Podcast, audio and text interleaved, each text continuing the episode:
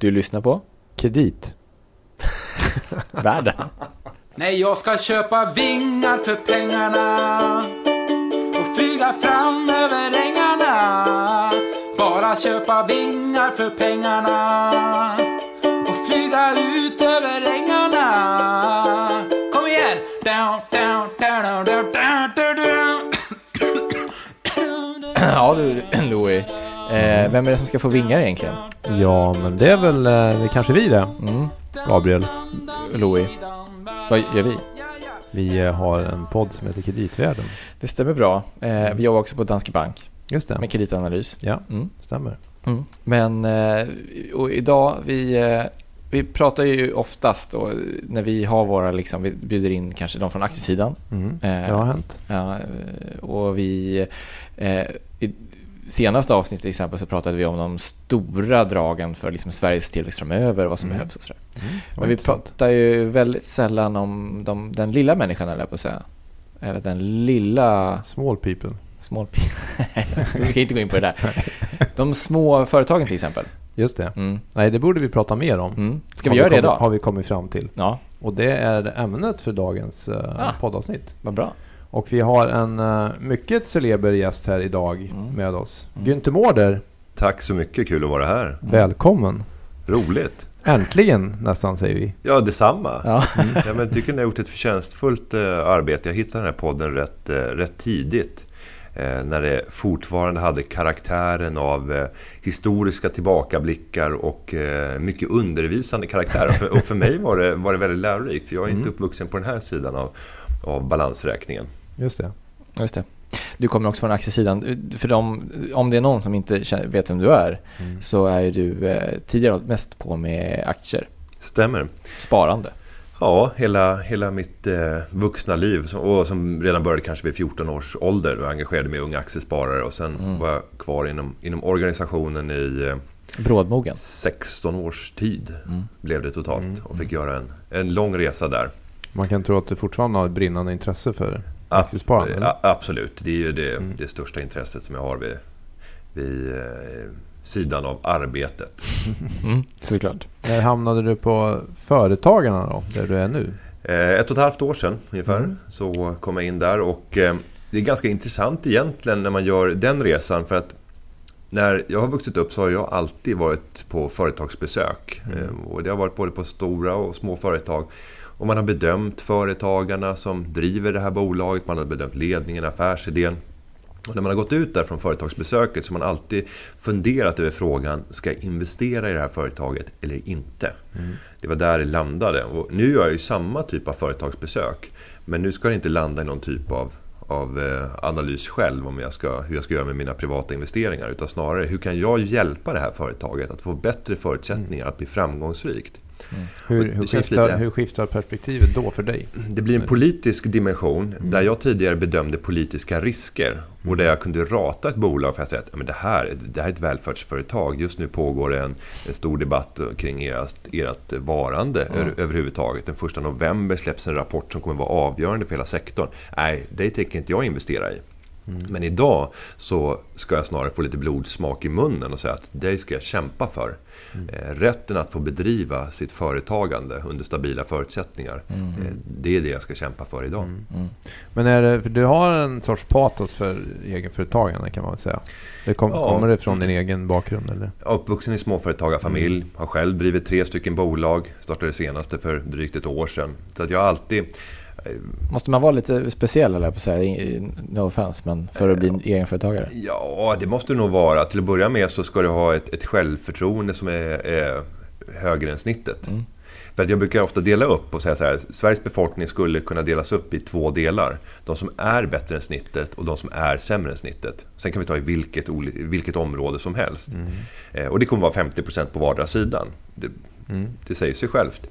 Men sen har du den andra dimensionen och det är att om man tror att man är bättre än snittet eller tror att man är sämre än snittet. Och där är det i Sverige glädjande nog så att majoriteten tror att man är bättre än snittet. Ja. Eh, i- i de- Bilkörning är väl ett sånt Ja, ja, exempel. i de speciellt, flesta eh, områden. Men kanske speciellt Särskilt män, män. eller? Ja, ja, och det gäller även företagandet. Mm. Eh, Män är kraftigt överrepresenterade när det gäller liksom, den positiva synen kring sin egen för, förmåga och förträfflighet. Men då ska jag slänga in, eh, nu spårar du direkt, men jag ska slänga in en sån här fråga då.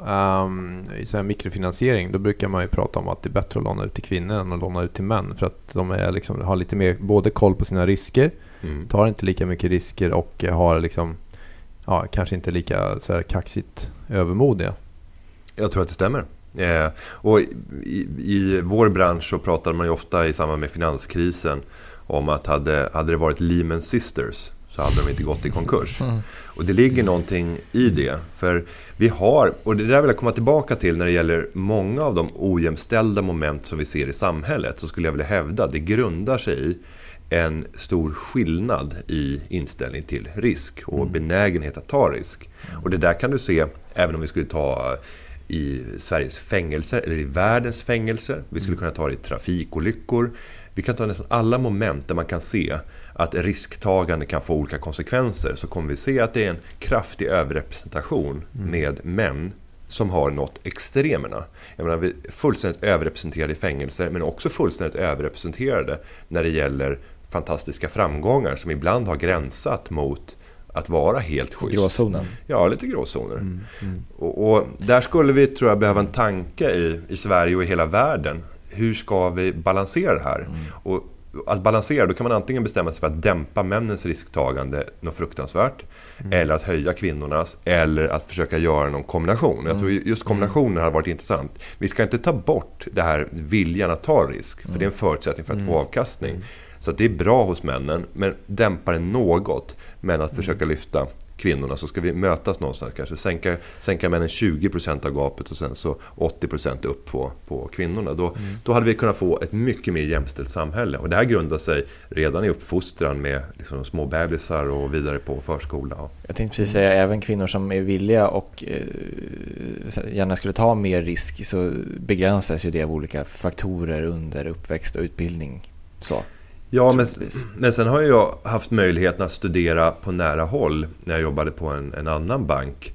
Eh, Att kunna se beteenden. Jag kunde ta kopior, alltså tvillingar av varandra, när det gäller förutsättningarna. En person som hade en hög lön, kanske tjänade 80 000 i månaden, la undan 20 000 i sparande. Och då kunde jag bygga en korg av sådana män och en korg av sådana kvinnor. Och jag såg att riskprofilen mellan de här två kategorierna skilde sig väsentligt åt. Där männen tog mycket högre risk och därmed fick långsiktigt en mycket bättre avkastning.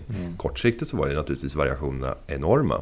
Och du hade också en fantastiskt stor spridning hos männen. Där du hade allt ifrån de som var utslagna och hade raderat hela sitt kapital till de som hade byggt en smärre förmögenhet. Just det. Intressant. Vilken härlig data, kände jag. Ja. Mm. Mm. Men uh, apropå företagarna, ni, ni är väl en organisation just för de mindre, lite mindre företagen? Ja, vi brukar säga upp till 250 anställda. Men om vi tar den riktiga småföretagsdefinitionen så är det upp till 49 anställda. Och nästan alla våra medlemmar har färre än 49 anställda. Och man går ju med i Ni för har väldigt många medlemmar. 70 000 företagare. Och det är också en viktig skillnad. Att när man jämför företagarna med till exempel eh, Svenskt Näringsliv eller liksom branschorganisationer eller arbetsgivarorganisationer så är alla de organisationerna till för företag 1. Eh, inte för företagaren bakom företaget. Så att vi ska bara titta på företagarens situation och underlätta den vardagen.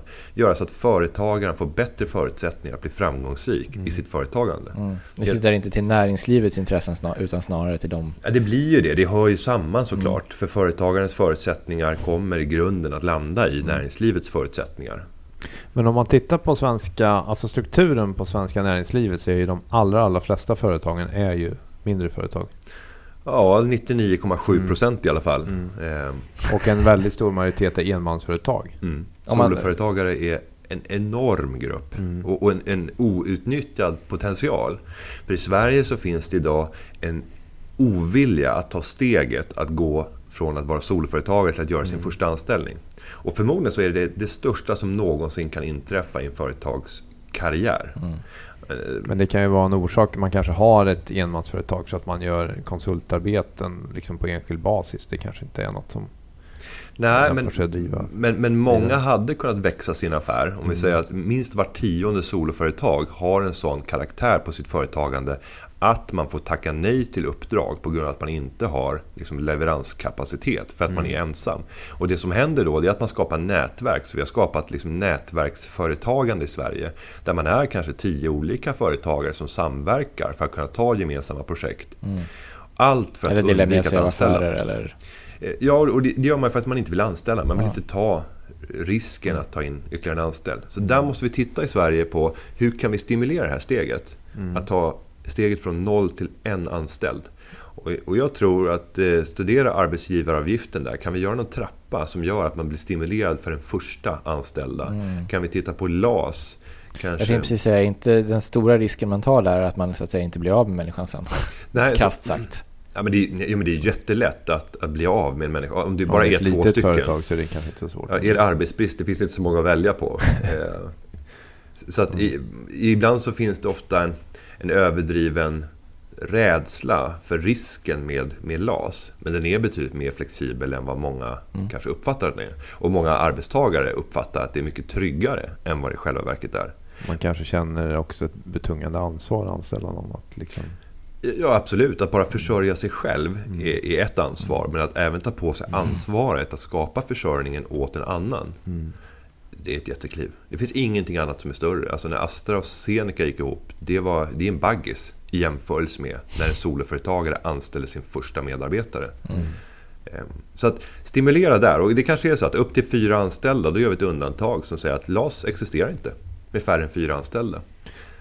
Men uh, att du liksom brinner för det här att man ska anställa fler, det är utifrån ett samhällsperspektiv eller för att skapa Nej, men för att, för att skapa fler arbeten. Mm. Och mm. om man pratar i ett politiskt perspektiv och pratar vi i ett rent ekonomiskt perspektiv. Att skapa mer tillväxt, mer konkurrenskraft för mm. Sverige. Mm.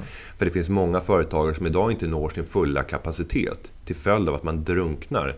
Men alla som driver företag vet att man ägnar majoriteten av sin tid åt icke värdeskapande arbete. Mm. Som handlar om allt ifrån att administrera mm. företagandet till kringmoment men inte själva värdeskapandet. Och det är men... där man behöver ta in hjälp för att frigöra kraften hos den som är duktig på liksom, sitt gebit, sitt hantverk, sitt, eh, sin tjänst eller sin produktproducering. Men om man tittar i ett internationellt perspektiv, både på andelen icke värdeskapande arbete och, och svårigheten att anställa en ytterligare person, hur ser det ut där? Är vi inte ganska långt fram ändå i dynamiken på svensk arbetsmarknad? Mm, alltså om vi tittar på hur, hur företagsstrukturen ser ut så är vi i Sverige av en struktur där vi har väldigt många storföretag. Mm. Överrepresenterat eh, till max. Och det räcker om vi med, tänker i förhållande till omsättning då? Till exempel. ja, ja, i förhållande till omsättning, antalet anställda, till, mm. även till balansräkning, även om det kanske är ett konstigt mått. Eh, så, så är vi kraftigt, kraftigt överrepresenterade när det gäller stora företag. Och det mm. räcker med att vi bara tittar på vår large cap-lista på börsen så är det en fingervisning om hur bolagsstrukturen ser ut. Titta på motsvarande lista i Norge, Finland, Danmark och andra jämförbara länder ute i Europa så ser vi att ja, Sverige är liksom överlägset. Tillsammans med Schweiz får man väl säga, mm. Eh, med en relativt liten befolkning så har de också lyckats skapa mängder av, av stora globala företag. Men sen har vi väldigt få medelstora företag. De här som... Vi kan säga att vi saknar de här Mittelstand som man har i Tyskland. Ja, i Tyskland så är det jättevanligt. Och mm. Det har väl att göra med liksom historiska förklaringar med arvsskatter och liksom en, en annan typ av företagskultur. Men det är rätt sällsynt med ett, ett familjeägt bolag med 500 eller 1000 anställda. Eh, det, det är ytterst sällsynt i, mm. i Sverige. Sen har vi jättemånga småföretag. Mm. Men jag har sett någon sån studie på man försöker mäta jobbskapande. Och då ser man några intressanta grejer. Då tittar man liksom på alla länder. Då är det, jag ska inte säga konstiga länder, men det, kanske, det kommer upp så Ecuador och Botswana och Senegal tror jag är i toppen och så här. Och Sverige är långt ner och då kanske det beror på att ja, så är det i de länderna. Ska man få något jobb då måste man skapa det, mm. skapa det själv. Liksom. Men om man tittar på mer jämförbara länder då ligger Uh, om jag tror jag minns rätt att det var Kanada, Estland, Australien, USA som ligger i topp uh, på några länder om man tänker kanske jämförbara med Sverige medan vi ligger ganska långt ner på jobbskapandet. Uh, vad, kan det, vad beror det på, tror du, att det är så? Nej, men jag tror att det har mycket att göra med oviljan från mindre att vilja anställa. Om vi mm. ser var jobben skapas idag så har vi kört med parollen 4 av 5 nya jobb skapas i företag med färre än 50 anställda. Sen har vi blivit synade av näringsministern som, som faktiskt upptäckte att vi hade fel. Eh, det är nio av tio nya jobb som skapas. Mm. Sen kan man välja lite olika tidsperioder och faktiskt komma Men fram till att det är tre, tre och en Storföretagen har väl av fem. snarare dragit ner. Alltså, sett från finanskrisen så har, de, har man ju tappat mycket jobb där i de Ja, företagen. ta de tio största bolagen Mm. på börsen och se hur många anställda de hade år 2000 i Sverige och hur många anställda de har idag. Så kommer vi se att de har netto minskat antalet jobb i Sverige. Mm. För Gabriel, det ser väl vi när vi, vi följer många, eller tittar på en del av de större företagen i alla fall. Att eh, man ser ju från tid till annan när det kommer, det kommer nya sparpaket. Och Mm. det är sällan man ser eh, nyanställningar på det viset kanske. Så finns det en logik i det eh, Mm. också. Så Mm. att det, det blir fel när man följer i det mediala. För att eh, anställningar sker ju löpande. Mm. Och det blir liksom ingen nyhet att eh, den här Nej, det månaden anställdes det Nej. eh, 14 nya medarbetare i Kista. Eh, Och den här var det 55. Och sen så till slut kom ett sparpaket eh, Mm. på Ericsson där man säger upp 500 medarbetare. Mm. Ja, netto de två åren så hade man kanske legat neutralt. Nu är Ericsson ett dåligt exempel för man har verkligen slaktat antalet anställda i Sverige. Mm. Eh, Men då blir det Men, en men på aggregerad basis är man Mm. ändå ner eh, om det är 100 000 eller någonting. Tvek- sen ja. finanskrisen tror jag på den i storföretag. Ja, bara sen Sen- finanskrisen, tar vi sen 2000 så är det så betydligt är det ännu större siffror. Mm. Men har inte också, om man tittar sen finanskrisen, har inte nyföretagandet också mattats av lite grann? Eller? Nej, vi är uppe på höga nivåer. Mm. Alltså nu pratar vi om ungefär 70 000 företag. Det är Mm. den nivån vi ligger på. Sen är frågan, ska man mäta framgång i det? Mm. Jag tycker det är ett ganska dåligt mått på så att säga, framgång. Ett högt nyföretagande är positivt. Vill vi ha Mm. det högsta nyföretagandet i Europa de senaste fem åren, ja, då får vi bege oss till Grekland. Eh, Så att ett, ett tips till alla politiker som vill stå och skryta med hö- högt nyföretagartal, det är ju liksom skjut ekonomin i sank, ha, ha en stark arbetsrätt som gör att ingen vill anställa. Eh, slå sönder hela pensionssystemet och gör försämringar från ett extremt attraktivt eh, utgångsläge. Mm. Alltså, de, de delarna eh, kommer skapa ett enormt högt nyföretagande. Precis, det finns en avvägning mellan så att säga, frivilligt egenföretagande och påtvingat. Ja. Ja. Så att de som vill vara anställda ska kunna vara det och de som vill vara företagare eller passar bäst för det ska kunna vara det. De man får bäst dynamik eller så man kan tänka. Ja, ja, och titta på var i världen man har lägst andel företagare. Och det här skulle nog ingen tro, men det är Silicon Valley och det är i Boston, Cambridge. Mm. Och varför? Jo, för att där finns det så många superföretag. Så tänk dig alla tusentals människor som jobbar med innovativa saker. Om vi tar på Google. Jag tror att många känner sig som entreprenörer. Men de är inte företagare. De är anställda. Visst, de har optionsprogram så att de får företagarliknande förutsättningar. Om de lyckas så kan de bli rikligt belönade. Men de gör det inom ramen för en struktur hos en annan företagare. Mm. Det är, en, det är en av frågan ni är engagerade i, det här nya options... Absolut. För Mm. Många av de små eh, företagen som har en stark tillväxtpotential, ja, de har ju inte de kassaflöden som gör att man kan betala för den kompetens som man behöver för att nå sin fulla potential. Sverige är väl kanske ett av de bästa exemplen på länder som har lyckats ändå skapa på väldigt kort tid gigantiska företag inom den di- digitala ekonomin. Mm.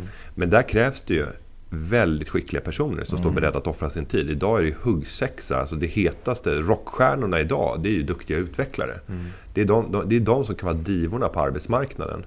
Och för en utvecklare att, att säga nej till ett extremt högavlönat jobb i ett stabilt större företag till förmån för en liten startup.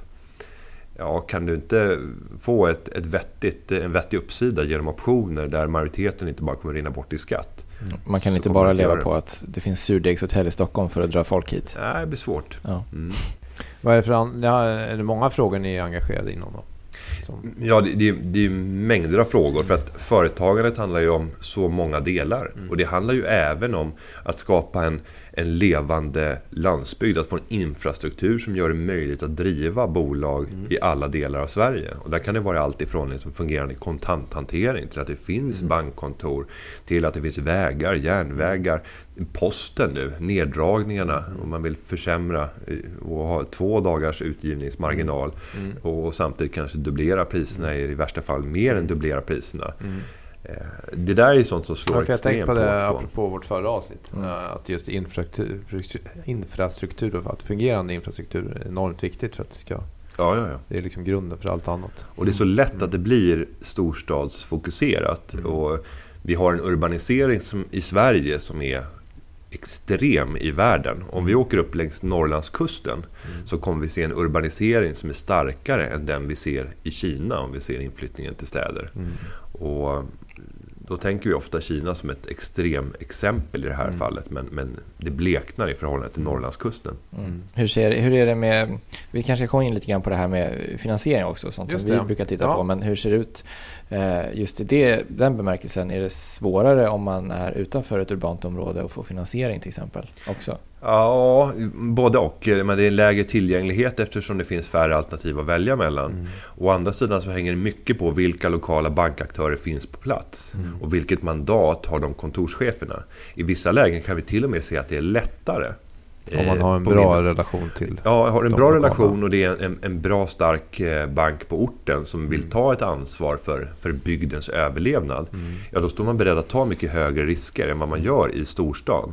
Där vi är väldigt anonyma i förhållande till varandra. Mm. Så det kan i vissa fall vara positivt, men i de flesta fall så är det negativt på grund av att utbudet är så lågt och Mm. det krymper. Antalet kontor fortsätter att minska för varje år. Och det där kan man ju gråta blod över och säga att det är för jävligt. Men, men, men så är det ju till följd av digitaliseringen och att vi gör, vi kan göra allt mer själva. Mm.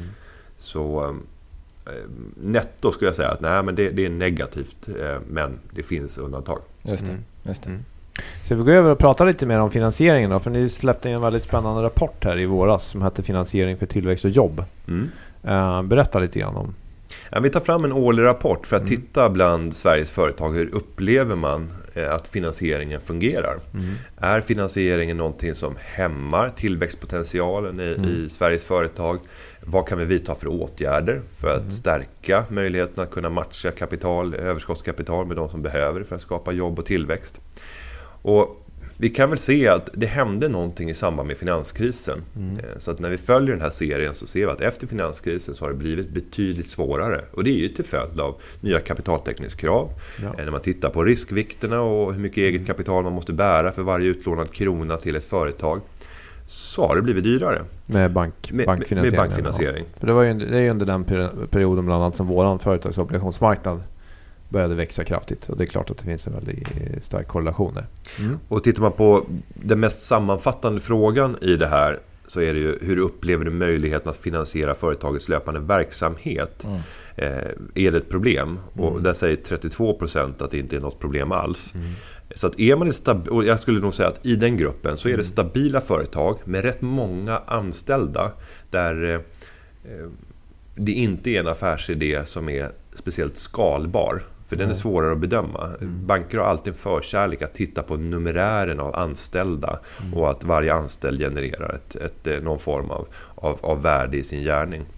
Sen säger 20% att det är ganska lätt och 49% ganska eller väldigt svårt. Så att eh, man kan säga att ungefär hälften upplever att det är Men svårt tror du när man säger svårt att man menar att det är för dyrt eller att man inte kan få alls? Nej, i det här fallet så är ju inte det en fråga om ränteläge. Nej, utan det är att nivåer, få överhuvudtaget få få, finansiering. få det behovet av Ja, kapital som man har. Mm. det. Mm. Och vad gäller olika typer av finansiering då? För att man kan ju söka olika typer eller vilja ha olika typer av finansiering. Det kan ju vara allt Mm. från aktie, aktiefinansiering som kanske är det tidiga skedet. Sen kan det vara egenfinansiering, är väl en väldigt stor källa. Sen, kan, sen är det bank, men sen finns det ju andra. Factoring och sånt här har ju växt på de senaste åren ja, till exempel. Precis. Och, och det svåra där det är att många företagare tänker ju inte som vi på finansbranschen, alltså vi som i finansbranschen gör. Utan eh, factoring, jag menar det, det är en lösning som man tar till för att den är praktisk. Man Mm. tänker inte att det är en finansieringslösning. Om man skulle be en företagare redovisa hur ser Mm. din finansiering ut Mm. så skulle många kanske inte ta upp factoring som en av, av de delarna, även om det är en viktig komponent. Mm. Utan man tänker checkräkningen och man tänker lång, långsiktiga lån.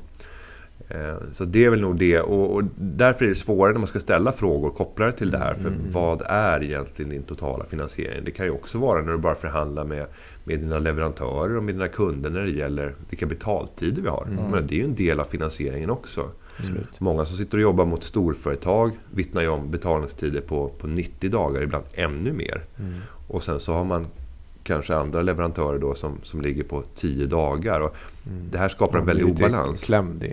Ja, att småföretag betalar egentligen storföretags De kreditbehov. finansierar- Ja, det. Det märker vi. Vi, pratar ju, vi följer ju bolag och de, det är många som håller på med rörelsekapitalhantering eller working capital management och sånt där. Just och är väldigt stolta över att man har lyckats eh, justera betaltiderna och så att Mm. säga eh, leveranstiderna. Ja, det redovisar man ju med stolthet. Men Ja. någonstans så finns det någon på andra sidan som, som är förloraren. Mm. Och det är ju väldigt sällan den, den lille företagaren som, som kommer att vara vinnaren i det här. För du har ingen makt i förhållande till de större Nej. aktörerna. Vilka, är det någon speciell grupp som ni upplever har svårast att få finansiering? Eller går det att säga så? Eller? Ja, det kan man absolut säga. Och det är ju alltså, bolaget tidiga skeden. Mm. Och det är, väl, det är väl klart att ja, det, där är inte bankens primära uppgift att finnas med i tidiga skeden och låna ut pengar till, till företag som inte har bevisat sig. Ja, det är inte Då riskkapital. kommer man in men- lite på det här med kallas såddfinansiering. Att Ja, men, men, men utmaningen... på det liksom. Ja, men utmaningen här det är ju att många företagare så fort man tänker finansiering så tänker man jag satsar först det kapital jag har, Mm. aktiekapital och sen så tänker man bankfinansiering. Mm. För det är liksom grunden, man går till Mm. banken för att Mm. låna. Mm. Ja, Och kommer man med, med ett ungt bolag som är under två år, som inte har visat, eh, bevisat sig, som inte har positiva kassaflöden. Det kommer vara jättekämpigt Mm. Att få de lån som, som du behöver för att Och komma det är igång. väl ofta bankerna förmodligen en ganska liknande bedömning. Så det spelar ingen roll om det går till Nej. en eller fem banker kanske. Nej. Det är fortfarande lika svårt förmodligen. Och det är här vi måste hitta en, en större flora av alternativ. Mm. som gör att vi faktiskt kan också undervisa företagare i Mm. vad är det du ska söka dig istället. Mm. Ehm, För att en, många nyföretagare som har ett lite större kapitalbehov får ägna mer kraft åt kapitalanskaffning Mm. än åt att faktiskt bygga bolaget och syssla med någonting som är värdeskapande. Mm. Och det, det är inte rätt prioriterat. Så därför finns det en enorm marknad och det är väl ett medskick till, till dig som lyssnare om man sitter med kapital som är investeringsbart. Att faktiskt börja leta efter sådana här företagare. Det, det gör ju jag nu. För att jag har kapital som jag investerar i stora bolag på, på börsen och tar aktierisk. Mm. Men sen kan jag ju faktiskt ställa upp och låna ut pengar till småföretag. Kunna ta en ränta på Mm. både 7-8 procent i tidiga skeden. Så att det är en Mm. avkastning som faktiskt brädar den avkastningsförväntan som jag har på aktier. Mm. Och man tänker, en av anledningarna till att det har varit så framgångsrikt med aktiemarknaden i Sverige är att det är ganska lätt. Det är en liten minsta post. Det är ganska lätt att göra en investering i en månadssparande i H&M till exempel på 1000 kronor per månad eller 100 kronor per månad om man Mm. vill. Eh, 300 är väl kanske i och för sig kursen. Men om man ska direkt investera i ett litet företag, vare sig det är lån eller aktier, så är det ju svårt att komma undan med mindre än, jag vet inte, jag har inte gjort det själv så mycket, men 100 000 till exempel om det ska fungera eller för att det ska vara görligt. Det är väl ett stort hinder i det här. abs- absolut, visst är det det. Och sen är det ju hela transaktions... Eh, tekniska. Mm. Det, det finns ingen IT-struktur för det om du inte går till en, en eh, crowdfunding-plattform Mm, eller någon, någon typ Mm. av crowdlending eller, Mm. eller liknande. Men, Men- de, har ju vuxit mycket. Ja, ja, det kommer ju växa. Mm. Alltså, det räcker med att vi tittar på USA Mm. och så kan vi nog konstatera att det som händer i USA kommer hända i Sverige med en Mm. viss fördröjning. Mm. Och då skulle jag göra analysen att vi kommer se en kraftig tillväxt för den typen av plattformar. Mm. Men där skulle jag ju gärna se att någon storbank också gav sig in i det kriget. För tänk dig vilken effekt det skulle bli. plattform Ja, alltså. tänk dig om man startade ett, ett dotterbolag där du har en, en crowdfunding-plattform Mm. där du, där du både kan ha på, på aktiekapital och på, på krediter. Och sen så kunna hänvisa alla de företagskunder som man nekar krediter. Säga att Nej, men, vi kan inte ge det, men ni kan gå till vårt dotterbolag här. Mm. Och testa. Gå ut officiellt på, på marknadsplatsen och se vilka räntevillkor ni får. Mm. Och sen kan man även tänka på alla kunder som man har med överskottskapital som behöver investera och kunna hänvisa dem till att här har ni ett alternativ. 5% av kapitalet skulle kanske kunna investeras i den här typen av tillgångar som kan ge en helt annan avkastning. Visserligen till en mycket högre risk, Mm. men som en intressant komponent i en totalportfölj. Mm. Men ingen, ingen bank har ju hittills sett den, den möjligheten eller vågat ta det steget. Jag vet inte om man ser för mycket risker kopplat till det.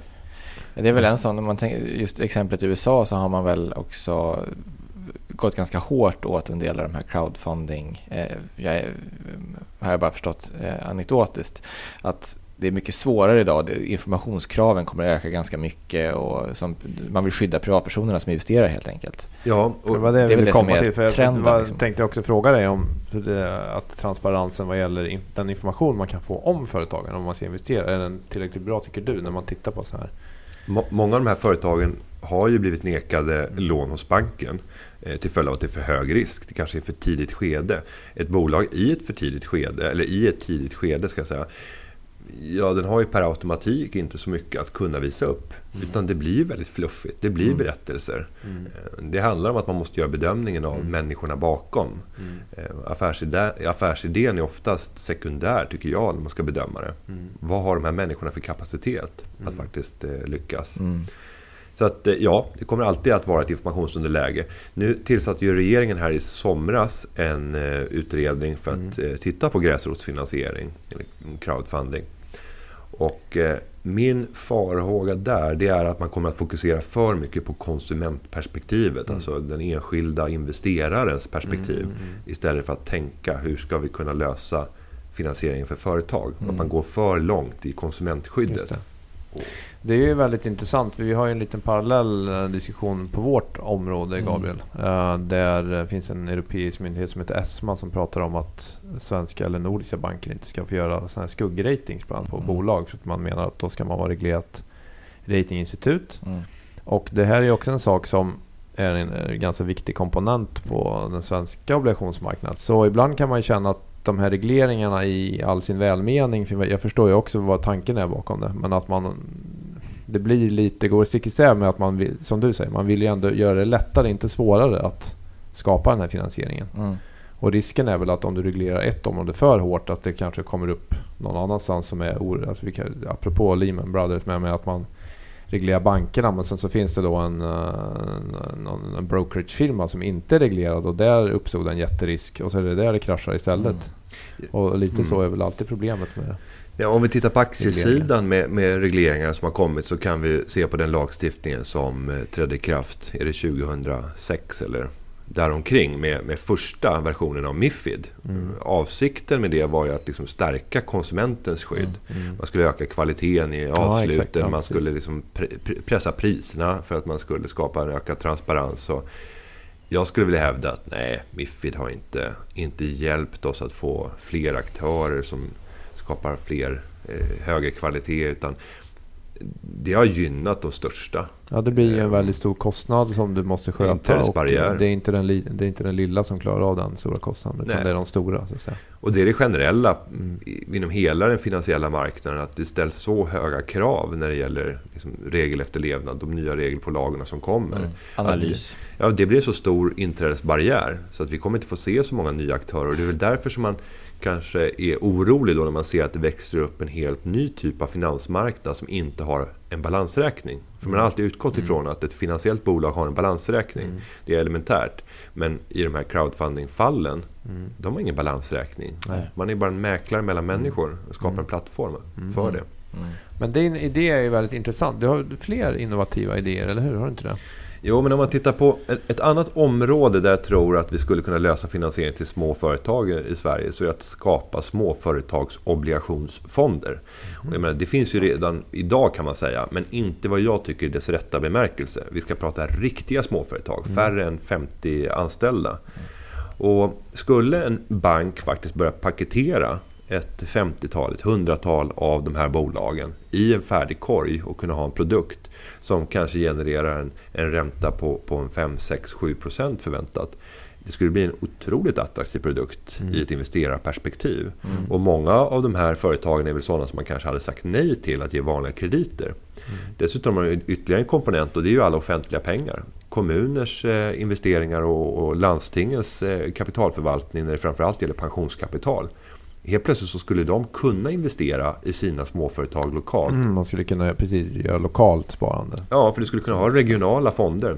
Mm. Och därmed så kan kommunen vara med och stötta det lokala näringslivet. Om de Utan skulle att göra- gå in direkt finansiera Nej, för gör de det direkt då, då är det förbjudet. Eh, För du får inte göra, liksom, det blir offentligt stöd direkt till ett bolag. Men om du köper en färdig korg som någon annan har satt samman, då är det helt okej. Och Då har du löst politikernas grundläggande uppgift och det är att skapa ett växande skatteunderlag, kunna erbjuda en välfärd. Och då är det förutsättningar att det finns företag, att det finns tillväxt, att det finns jobb som kan generera det Men du måste ju fortfarande ha någon, tänker jag bara spontant då, som gör en kreditbedömning eller som så att säga för att... Det blir du och jag, Gabriel. Ja, det, det, okej, det är det vi ska göra. Mm, all right. Ja, då så. Jo men så är det ju. Om, Jag vi menar, får, om vi får. Mm. det, här är ju, det här är ju kanske aktörer som har nekats Mm. att få finansiering av banker för man stod inte beredd att ta den risken. Nej. Då har man gjort en rating. Mm. Det här var för hög risk. Eh, skulle vi börja erbjuda räntor här så det blir inte relevant. Så att man har ju gjort bedömningen. Ja, precis. Jag tänker bara att man kan inte heller finansiera alla bolag som söker finansiering. Nej, nej, det går inte. Och alla ska inte finansieras. Nej. Det är, inte, det är ju absolut ingen mänsklig rättighet. Det är en Det del skulle bli katastrof Ja. om, om alla som ville ha kapital för att starta ett bolag fick det. Mm. Det måste ju finnas ett nålsöga. Mm. Ja, strukturerade produkter kom ju lite i onåd där under finanskrisen. Men onekligen så liksom med rätt typ av struktur kan jag absolut erbjuda bra alternativ. Ja, jag tror det. Mm. Mm. Oj. Vad kul, det var mycket. Vi har mycket att jobba med här då, helt enkelt. Mycket att ta tag i. Ja. Vad roligt. Ja, men sen, kan vi, sen kan vi ta ett annat område. Det är ju just de här kreditbedömningarna. Mm. För de tar väldigt lång tid Mm. att Ja. genomföra. Oavsett ur, jag menar, ta, ta ett lån på 20 miljoner kronor och så jämför det med ett lån på 2 miljoner kronor. Mm. Det tar inte 10 gånger längre tid att bedöma 20 miljoner. Det tar ungefär exakt lika lång tid att bedöma. Mm. Eller tar- kanske till och med till kortare. kortare. för, att- för att det är ett Mm. större bolag, det är lättare att bedöma, det finns en längre historik. Så det, Mm. det kan absolut vara så att det tar hälften så lång tid. Och då gör ju det att med de sjunkande räntor som vi har haft Mm. så blir den relativa kostnaden, eftersom det tar lång tid att göra bedömningen. Mm. För att lönerna har ju inte minskat i, i branschen. Eh, Kostnaden för att genomföra den typen av kreditbedömningar har inte minskat. Och då skulle man kunna tänka sig, kan vi skjuta ut den kostnaden på den som faktiskt söker krediten? Mm. Jag tror att många skulle stå beredda att betala 5 000, 10 000 kronor för att kunna få den bedömningen. Kunna komma med färdig dokumentation till banken Mm. som banken också accepterar det. Jag tänker någon slags oberoende Nordiskt verksamhet. ratinginstitut Ja. för småföretag. Ja. Och det hade kunnat vara Mm. bankerna gemensamt som äger det här. Man har ju det redan idag i UC när det gäller Mm. kreditupplysning. Ja. Som ägs av, av bankerna gemensamt. Och tänkte då att man även från en sån typ av aktör skulle kunna köpa en kreditbedömning. Sen vet jag att det alltid handlar i slutändan om bedömningen av människan. Mm. Men då kan man fokusera de mötena på att bara bedöma människan. Mm. Och så ses man en timme för att klämma och känna på varandra. Och sen samla in lite data kring personens historik. Då ska de större bankerna vara komfortabla med att Dela information, Liksom. Ja. Ja. precis. Ja, dela information. Här är det ju bolaget själv som köper en analys Mm. av en professionell aktör som man själv tycker från bankens sida gör vettiga bedömningar av risker. Mm. De, de risker man kan kalkylera på ett papper eh, utifrån det underlag som finns. Mm. Sen är det den mänskliga bedömningen. Där ska man säga att där är unikiteten. Vad är det som gör Danske Bank unika när man bedömer människor? Mm. Eh, varför är Danske bättre på att bedöma potentialen i en företagare som kommer? Och där blir tävlan. Mm. Inte i att göra samma dokumentation och samma kalkyler och samma Ja, det, proforma balansräkningar. det ligger ju mycket i vad du säger för att säga vad man vill men gissningsvis så är processen väldigt likartad ändå i, i, i vissa steg i alla fall. Så Gör, det borde kunna finnas samordningsvinster där. vi har samma utbildning, vi umgås med samma människor, vi är i samma bransch, vi rör oss mellan bankerna. Mm. Ja, Allt är samma. Det är ungefär som det går till, till tyska bilindustrin och tror att, att eh, utsläppsfusket skulle vara isolerat kring, kring Volkswagen. Mm. Aldrig. Jag menar, de rör sig emellan, man rekryterar ifrån varandra. Det här är mycket större än man tror. Mm. Oj, oj. Ja, Ett litet scoop det. avslutar vi Ja, med. är det någonting annat att gräva i? Ja, det får bjuda tillbaka dig Günther för att prata om, om, om utsläppsskandalen. Ja, men nej, det var ju intressanta spaningar. Jag tycker... Är, en sista fråga. Ja. Är utsikterna för företagande och finansiering av företagande generellt och nyföretagande, är, är du positiv, eller optimist eller pessimist? Om jag tittar på den politik som förs så känner jag en oro. eh, Mm. För att den är inte näringslivsorienterad. Där känner jag en oro. Eh, När jag tittar på finansiering av företag så känner jag en, eh, en viss spänning och optimism när jag ser på framväxten av nya alternativ. Eh, När jag ser på människors inställning till eh, ekonomin och även risktagande Mm. och att starta företag så ser den ganska positiv ut just nu. Mm. Så, så sammantaget så skulle jag säga att nej, men det, det ser rätt ljust ut. Mm. Sen är jag personligen orolig för att vi, eh, vi ska ju rent teoretiskt så ska vi närma oss en, en krasch snart. Alltså bondförnuftet säger att världsekonomin snart ska gå in i en ny omgång av, av rätt tråkiga tider. Mm. Det brukar komma med ungefär de här mellanrummen. Mm. Eh, Nu har det gått rätt många år sedan finanskrisen och det har varit kraftigt stigande priser. Mm. Utmaningen nu är att vi inte har haft den, den normala eh, liksom räntepolitiken. Tar du hur penningpolitiken har varit den här gången så har man ju bränt av alla korten inför en kommande kris. Mm. Och, och det kanske gör att man fördröjer den, men då när den väl kommer så kan den bli riktigt kraftig. Mm. För att det finns inga motmedel att ta till. Så det där oroar mig. Och ska jag säga kring det så tror jag att det kommer börja i Kina. Det kommer börja med en, finanskris i Kina till följd av den extrema otydlighet som finns idag och bristen på transparens. För Ja, vem och sitter... ökad eh, upplåning också. Ja, ja, ja, Alltså extrem ökad finansiell upplåning. Mm. Och att det där kommer utlösas och sen kommer det få spridning i, i övriga världen. Mm. Mm. Vi har haft ett Trist. par avsnitt om, eh, om, om Kina, bland annat med eh, vår så att säga, chefspessimist Roger Josefsson. Så det kan man också gå tillbaka och lyssna på. Men vi kommer nog till att komma tillbaka till det framöver också. Ja. Tror du inte det? Särskilt när det smäller, då blir det... Då blir det många poddavsnitt. Ja. Ja. Eh, det roligaste med att du var här, jag, det är så mycket nya spännande idéer och Mm. vinklar som man inte tänker på annars. Du tänker nytt och fritt från din roll där du sitter. ja, jag försöker det. Mm. Mm. Kul. Kul, vi uppskattar det. Mm. Eh, hoppas att ni som lyssnade också uppskattade det och eh, gjorde ni det så vet ni vad ni ska göra. Ni ska till exempel gå in på iTunes och lägga några stjärnor, eh, 0 till 5, eh, hellre 5 än 0. Eh, skriva någonting, ni får också gärna dela på Twitter. Och, Dela, dela går bra. det kan man göra. Delningsekonomin. Just det. Mm. Kostar ingenting. Nej, och vi får inte heller betalt. Men Hasht- Hashtag sparkrona. fick du in det också. Tack så Ja. mycket för att du kom hit Günther. Tack Stort själva. tack. Ja. Roligt. Hej. Hej. Hej.